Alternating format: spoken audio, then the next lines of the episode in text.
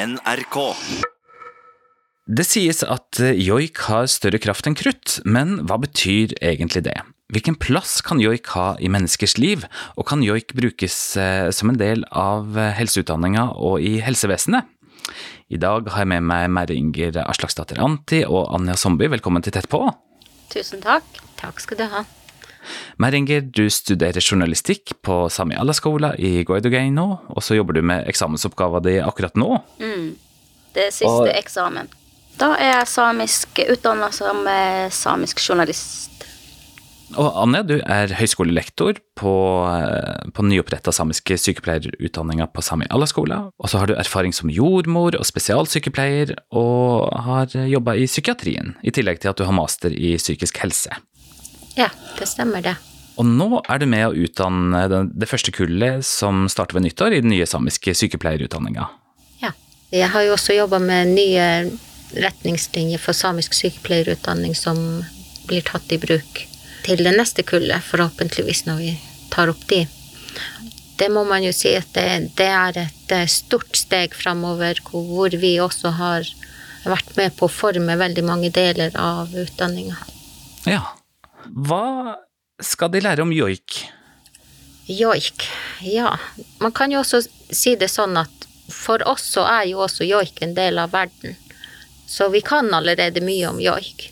Men eh, sånn som eh, filmen som Merhinger har laget, som er utrolig kraftfull og har med seg veldig, veldig mange forskjellige deler som kommer klart til syne i filmen, hvor hun eh, har filmet en Hvordan skal vi si? Ahko. Ja, vi sier ahko. Som um, da går gjennom en rehabiliteringsprosess hvor det kommer fram at joiken er veldig viktig for henne, både som åndelig del, som en, en fysisk del av tilhelingen, men også hennes tilhørighet og kjærlighet og ja, mange forskjellige viktige deler for sykepleie og hvordan man forstår mennesket som en del av verden, og hvordan denne her Ahkoen, men også hennes Adja, får være med på å uttrykke seg og leve livet sitt så, så mye som de kan fullt ut der og da. Og joiken er en viktig del av det. Og den filmen som du snakker om som uh, Meringer har lagd, det er uh, en film som heter Mi, hvor du følger Merlaila Nedrejord i Karasjok sammen med sine besteforeldre. Hva slo det deg da du så uh, hvordan Merlaila og besteforeldrene kommuniserte, enten gjennom joiken eller med joik som hjelpemiddel? Ja, det var jo litt sånn her eh, Kanskje litt sånn, sånn her wow-følelse at eh, liksom når man joiker, så det er det liksom da at man lokker frem eh, minnene. Nesten som nøkkelen til minnene til folk. Og det ser man jo i filmen. Jeg syns jo det er så fascinerende å se um, Merlaila sin Adja, altså bestefar, som Når han begynner å joike, så joiker han jo broren sin og andre personer, og han joiker historier og regnmerker, og ting kommer klart til syne på en måte, da. Det er jo litt rart, det der. Liksom, når du er dement, du husker jo ikke kanskje sånne dagligdagse ting, og, men når du begynner å joike, så husker du jo liksom det som har skjedd før, da når du var ung og sånn der. Og det er jo også litt artig når han joiker liksom reinmerker. Det fins jo masse reinmerker. At han skal liksom huske reinmerket til eh, faren min og joike den selv om han er dement. Det er jo litt, jeg syns det er litt fascinerende. Hvordan fikk du han til å gjøre det, da? Vi spurte bare hvordan er joiken til eh, den og den personen. Og han begynner bare å joike med en gang. Treng, trenger ikke å tenke pause engang. Det er akkurat som å sette på en jukebox. Hvordan kan det her henge sammen, da? Jeg tenker jo det som Merlail også sier i den filmen, at um, hvis joiken også er eh, ikke bare som språk når man får problemer med å, å huske Når man får demens, så kan det være vanskelig å huske ord og huske vanlig, men den her musikkforståelsesdelen ligger et annet sted. Og den, den er jo litt lettere å huske på, da. Og da er det også lettere for å, for å huske det de ordene som er tilknytta til den. Og helt klart hadde han jo tilknytta det, det reinmerket til den joiken og den personen, så kom det veldig klart og fint fram. Men jeg tenker jo også det at joik er jo musikk også, men ikke bare musikk. Det er også en veldig fysisk ting. Når du joiker, så bruker du mellomgulvet, du bruker pusten, du bruker hele kroppen på en måte litt annerledes. Og da, da kan du si at hvis den joiken er en del som er i kroppen din, kroppsliggjort minne, som er lettere å huske enn bare ord, at den tonen Man sier at eh, joiken til de forskjellige menneskene, til de forskjellige landskapene, været og eller hendelser, det, det har med forskjellige toner også å gjøre. Og en tone er jo, som jeg tenker, kan lagres i kroppen. Den kommer jo fra kroppen også når man lager lyd. Men er det sånn at man da kan skille hva som er joik, og hva som eventuelt ikke er det? Det er jo et veldig morsomt spørsmål, for, for hvis man tenker at ja, hvem er det som bestemmer hva som er hva? Det er jo alltid en del diskusjoner på det. Men jeg hadde en opplevelse for ikke så lenge siden hvor jeg møtte to mennesker som jeg presenterte for denne filmen, da. Og så sier den ene at nei, jeg kan ikke joike. Det høres ikke rett ut når jeg joiker. Jeg har aldri joiket, og jeg har ingen forhold til joik sånn sett, annet enn hva jeg har hørt fra andre. Og så kom den andre personen til, så spurte jeg henne om hun hadde lyst til å joike litt. Og det gjorde hun jo med fullt hele sitt hjerte, men på en måte som frambrakte lyd, men ikke ved aktiv bruk av diafragma som gjør de her karakteristiske svingningene i melodien. Og da sa jo hun som påsto at hun ikke hadde noe forhold til joik, at nei, det var ikke ordentlig joik, det der. Det var jo joik, men det var ikke ordentlig joik. Og det hadde hun hørt. Så tenkte, da begynte jeg å tenke ok, det kan man også høre, selv om man kanskje ikke har et veldig bevisst minne til hva joik er, eller bevisst forhold til hva joik er. Og eh, diafragma som du nevnte, hva, hva er det for noe? Diafragma. Når man puster, så så er det en sånn muskel som går i eh, brysthulen, som eh, er med på å styre, styre pust og holdning og litt sånn forskjellig. Men den er også veldig mye ser man at mennesker som styrer følelseslivet sitt gjennom diafragma og gjennom å kontrollere pust. Og da gjerne ved bruk av diafragma. Jeg har sett i psykiatrien at mennesker som har angst, gjerne begrenser pusten sin, som lever i utrygge omgivelser, de kontrollerer pusten veldig mye og, og bruker diafragma aktivt til å kontrollere følelser. Og hvor jeg har sett at hvis jeg utfordrer disse til å bruke diafragma, til å løsne på diafragma, annet med å lage joikelyder eller berøre punktet for diafragmafestet, så, så vil de få en reaksjon som kan virke forløsende. Derfor så tenker jeg at uh, joik som terapi, ikke bare for demente, men også for å styrke mennesket i å håndtere følelser og sånn. Og det sier jo også forskning som Soile Hammerleinen har, har gjort. Og det gjør at du har mer motstandskraft mot ytre påkjenninger, og det gjør at du får en kulturell samhørighet, en tilhørighet, og når man også tenker på det her fysiske, den forløsningen som du får av diafragma, hvor du ikke har en ubevisst knytting hele tiden, men at du kan puste fritt av og til og kjenne på en mer trygg kropp, trygghetsfølelse. Ja, man ser også hvordan det virker på eldre mennesker som kan ha demens, men også fysiske utfordringer som Ahko har da med i filmen, med å, å, ikke kunne svelge, med å ikke kunne snakke ordentlig, med å, og da å bruke den ressursen hun har i å likevel joike. Oppmuntres til å joike, til å bruke de musklene og til å rehabiliteres, komme seg til å bli forstått igjen. Veldig viktig. Har du sett en sånn umiddelbar effekt av å joike Ja. for personer som, som har hatt angst? Ja, det har jeg. Det er jo sånn at noen ganger så befinner mennesker seg i veldig vanskelige situasjoner hvor det indre livet er vel blitt så dominerende at det, det blir vanskelig å nå fram til dem med å kommunisere vanlig. Og nå er ikke jeg så veldig, har ikke så veldig, veldig bra stemme. Men um, jeg brukte moderne hjelpemidler med å ha joik eller musikk på telefonen, da. Når jeg gikk med denne pasienten som eh, skulle fotfølges, så hørte han det, den musikken der, og eh, begynte å bli mer oppmerksom på det istedenfor å fokusere så mye innover i seg selv. Og um, da spurte han til slutt kan, kan vi høre på den der musikken sånn ordentlig.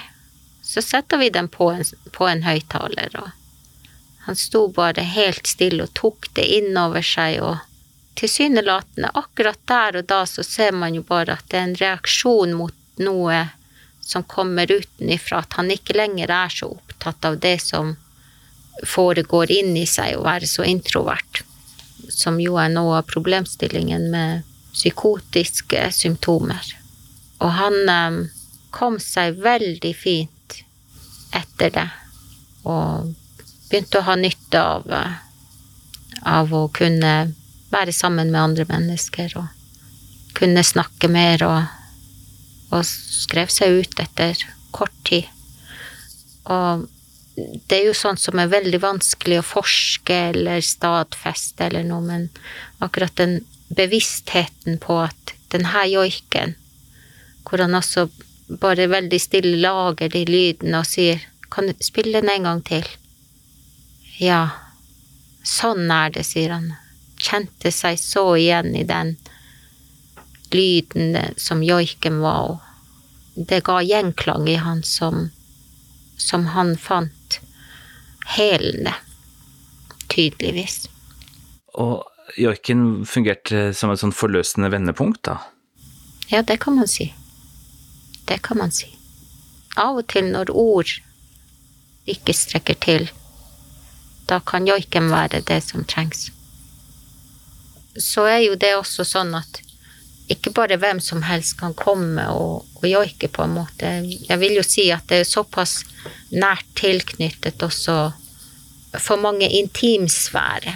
Og som er fordi at det er også tilknytta en del dilemmaer på til det her med å, å bruke joik i offentlig rom, som veldig mange vil oppfatte institusjoner som. Sånn som Mari Boine sier, at det prega henne så lenge at joiken var synd, men at hun oppdaget at det jo er en del av henne likevel, og da har tatt tilbake den uttrykksformen, den tradisjonen.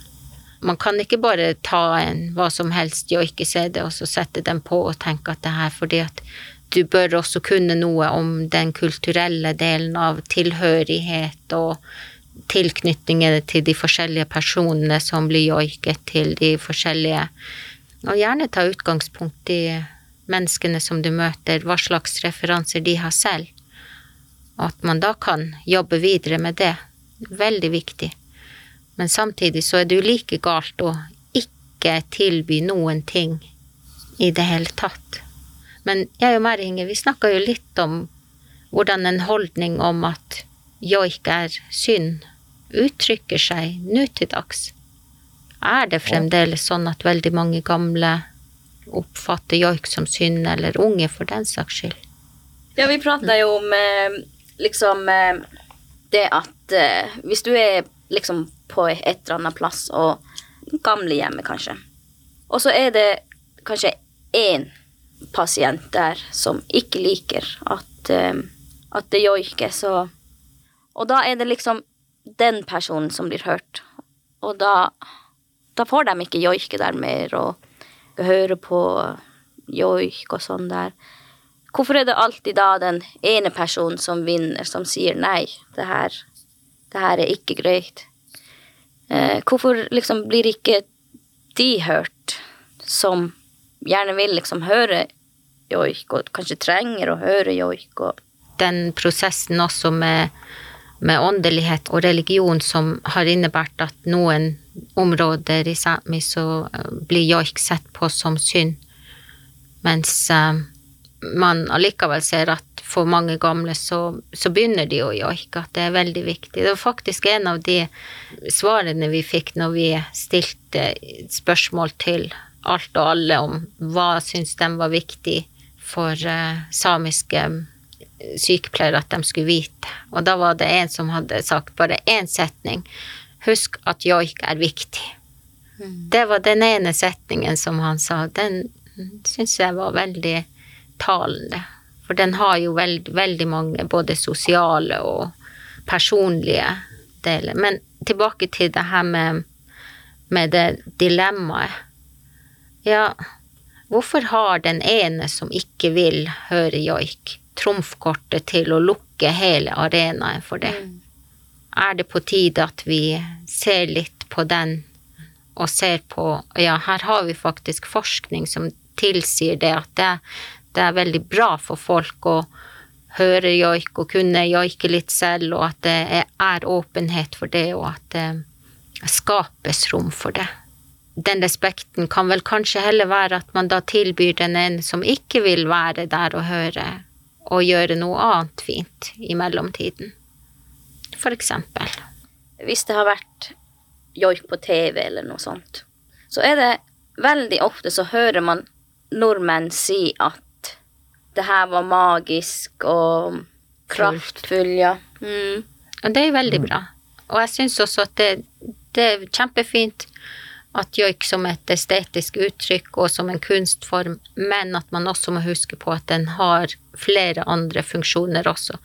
Det å joike noen og joike et sted, det å ære noen. Mm. Det å kunne få lov til å bruke det som en emosjonell formidling, veldig viktig. Det også å bruke det som til å regulere følelser, til å komme i likevekt, er kjempeviktig. Mm. At uh, det er ikke alltid det trenger å høres så fint ut, men at Nei. det er rom, rom for det. Og at man vet om de her tingene. Vet å skape, skape rom for det. Personjoik, det er jo ditt, eh, ditt andre navn, liksom. Ja, hvordan da? Samer bruker jo å gjøre av og til at de liksom ikke hilser, men når du kommer kanskje møter på en du kjenner, så kan du joiken, Så kan du bare ta og joike den personen, så er det liksom det å hilse, og det er jo en ære å bli At en annen person joiker deg. Det er jo en stor ære, det. Jeg har jo også en eh, slektning som har gått bort, han um, Iver Niljas, Nils Porsanger. Han pleide å si at det er min måte å minnes på. Jeg joiker de stedene jeg har vært, jeg kommer meg ikke dit mer, men jeg joiker de stedene jeg har vært. Jeg joiker vennene mine, jeg joiker min familie. Er det sånn at den filmen som Merringer har laget, bruker dere den som en del av uh, sykepleierutdanninga nå? Jeg har brukt den etter avtale med Meringer et par ganger. Men jeg håper at den også vil kunne inngå som en fast del. Jeg tror den er, det er en av de aller viktigste filmene som er laga på mange, mange, mange år. Det er også den um, bevisstheten på hvordan den nytter, og hvordan kraft den har, ikke bare som musikk, men som alt det som jeg også har sagt, det fysisk, det psykiske, det sosiale, det at man får bygd styrke på det, og kommunikasjon og alle, alle de sammenfletta i en joik. Men du har jo lagd andre filmer også som er både sterke og viktige, og også smertefulle. Mm. blant annet eh, en film eh, hvor du eh, portretterer din mor. Mm. Og den filmen heter så mye som Mamma, kan du gjøke litt, var det ikke det? Mm. Det som vi får vite i filmen, det er at din mor alltid har joika Mm. på mange forskjellige arenaer. Og så var du og dine søstre med på en busstur i Karasjok i 1999, hvor eh, bussen kjørte ut, og tre barn døde, blant annet din lillesøster eh, Anne Meie. Mm. Hva gjorde det med din mors forhold til joik, den hendelsen? Hun, eh, hun slutta egentlig nesten å joike helt. For hun har jo alltid vært sånn her ivrig joiker. Hun brukte å joike når hun kjører bil, til stor irritasjon for oss som var små da. um, når hun jobba hjemme. Men så plutselig etter den dagen så forsvant alt det der. Hun slutta rett og slett å joike. Og jeg tror ikke jeg har hørt hun joike etter det, slik som hun pleide å gjøre før den dagen. Jeg vet ikke. Hun sier jo sjøl at joikegleden hennes, den døde den dagen. Den også. Det må jo være spesielt for det første å lage en film om sin egen mor, og også når det er en såpass krevende hendelse, da. Men lærte du noe nytt om, om hennes forhold til, til joiken gjennom det arbeidet der, og de samtalene som dere hadde? Ja, hun sa at det, det blir for tungt. Særlig eh, Anne Meia sin joik. Den blir for tung for henne. Og hun, hun sier det fortsatt nå at hun klarer ikke å fullføre joiken hvis hun prøver å bunne. Så um, det er nok min, minnene som strømmer tilbake når, når man begynner å joike og en viss person. Altså, for en som er sånn utenfra, da, så, så kan jeg veldig godt skjønne at det er at man ikke lenger klarer å joike den personen, da. Mm. Men jeg syns jo det er interessant at det også går utover de andre joikene, at det er hele uttrykksformen som har blitt borte, på en måte. Mm. Ja, det er litt rart, det der. Jeg vet ikke om jeg fikk noen gang det svaret hvorfor det er blitt sånn. Det er vel kanskje det at joikegleden forsvant. Og så utfordra du henne i filmen til å prøve å, å joike igjen, da. Mm. Vi måtte ta flere, flere forsøk før det klaffa til sånn noenlunde. Hvordan var det for deg å høre henne joike igjen, da?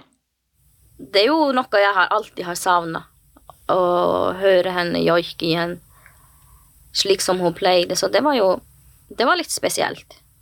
Men samtidig så var det litt eh, Hvis jeg kan si ubehagelig å se hvor tungt det var for henne. Men likevel så var det en bra følelse. Jeg tror det var bra følelse både for meg og henne. At hun klarte det til slutt.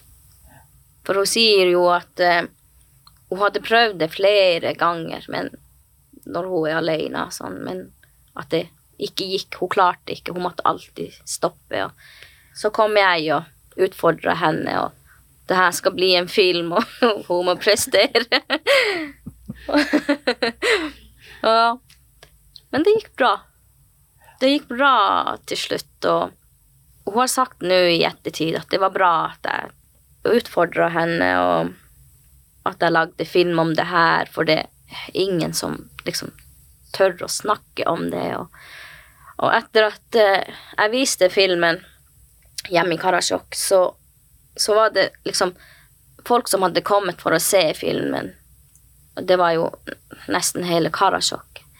Og det var først da folk liksom turte å komme til mamma og prate om det her, for alle hadde liksom unngått det, for de vet ikke liksom hvordan hun kommer til å reagere hvis de skal komme og spørre og grave, og selv om de prøver å gjøre noe hyggelig. Det sa mamma, det, det var bra, for nå vet folk hvordan det er. De trenger ikke å være redd for å komme og prate med henne. Jeg er så fornøyd at filmene mine de kommer til nytte til andre folk, og ikke bare til familien min, liksom. Det er det jeg tenker først når jeg skal lage film, at det, det skal komme til nytte, at det skal berøre folk. Forskjellige folk. Så jeg trenger ikke å være same engang. Hvor kan man se de filmene dine? Jeg skal vise um, filmene mine på Riddo Riddo nå i sommer. Det er folk som har spurt meg om, um, om jeg kan komme og liksom og vise filmene. Men det er jo korona nå, så jeg tror det må vente litt. Men hvis det er stor interesse for folk, så, så er jeg villig til å ta og vise filmene mine egentlig hvor som helst. Det uttrykket som, som kommer fram i filmen, gir så stort rom for forståelse, og, og at de som ser, får et perspektiv på verden som er kanskje litt annerledes enn de vanligvis tenker om, om gamle og rehabilitering og Det er veldig viktig også av alle filmene som du har laget, som jeg, jeg har sett her også, at de, de skaper rom for forståelse, også hos andre enn samer. Mm. Det, det å ha kulturelle uttrykk og, å høre den andre siden av historien fortalt av oss selv, det syns jeg er kjempeviktig. Men er det vanlig å uttrykke sorg gjennom joik? Ja, det det. Absolutt. Alle følelser kan uttrykkes gjennom joik. Men det er jo helt klart også en måte å kommunisere også glede og tilhørighet og veldig mye gode ting også. Så det slutter ikke. En joik tar aldri slutt. Er det noe som du også kan bruke i sykepleierutdanninga? Ja. Det kommer jo også fram i denne forskninga som hun Soile Hammeren blant annet hun har gjort og uttrykt. Og det har vi jo visst hele tida, men nå er det til og med på papir. Mm. At det gir en tilhørighet. eh, Det som hun kaller for sosiokulturelle resiliensdeler. Oversatt som at det, det her styrker ikke bare individet, men også, også den gruppen og den kulturlige tilhørigheten her. Viktig for å definere deg som menneske, og som du oppfatter deg som menneske. Og det er jo helt klart bærende deler i hvert, en, hvert individ, hvert menneskes væren. Å være del av en gruppe og tilhøre en kultur. Mm. ikke dere, eller? Ja, hjemme når ingen hører, og på fest. Men aldri på radio før nå, nei da. you wish. du vet jo det at jeg er jo slekt med veldig mange store joikere, så det kommer jo absolutt ikke på tale å begynne å sammenlignes med Ligger det noe sånn i dere, altså, at man har prestasjonsangst? Jeg tror ikke det har bare med prestasjonsangst å gjøre, men fordi at joik jo også blir sett på som en kunstform Mm. på mange måter, så, så er det jo noen som er litt flinkere enn andre. Mm. Men akkurat denne delen med å, å ha, bruke det til å uh, skape samhørighet, til å minnes, til å ære andre, til å hele seg selv følelsesmessig, det, da, da er man på en annen arena. At det også brukes på forskjellige arenaer. Man kan se joik som ikke bare som at det alltid må være vakkert å høre på. Det er jo klart at jeg tror nok at i veldig mange hjem så Og for veldig mange så, så joiker folk. Folk joiker. Meringer Aslaksdatter Anti og Anja Zombie, tusen takk for at dere var med i Tett på. Takk for at vi fikk komme. Så vil jeg bare legge til at Anja har hentet inn samtykke av personen hun eh, fortalte om, hvordan joik ble brukt i terapi. Jeg heter Sven Lian, Tett på fra NRK Sápmi er produsert av 1 til 1 Media.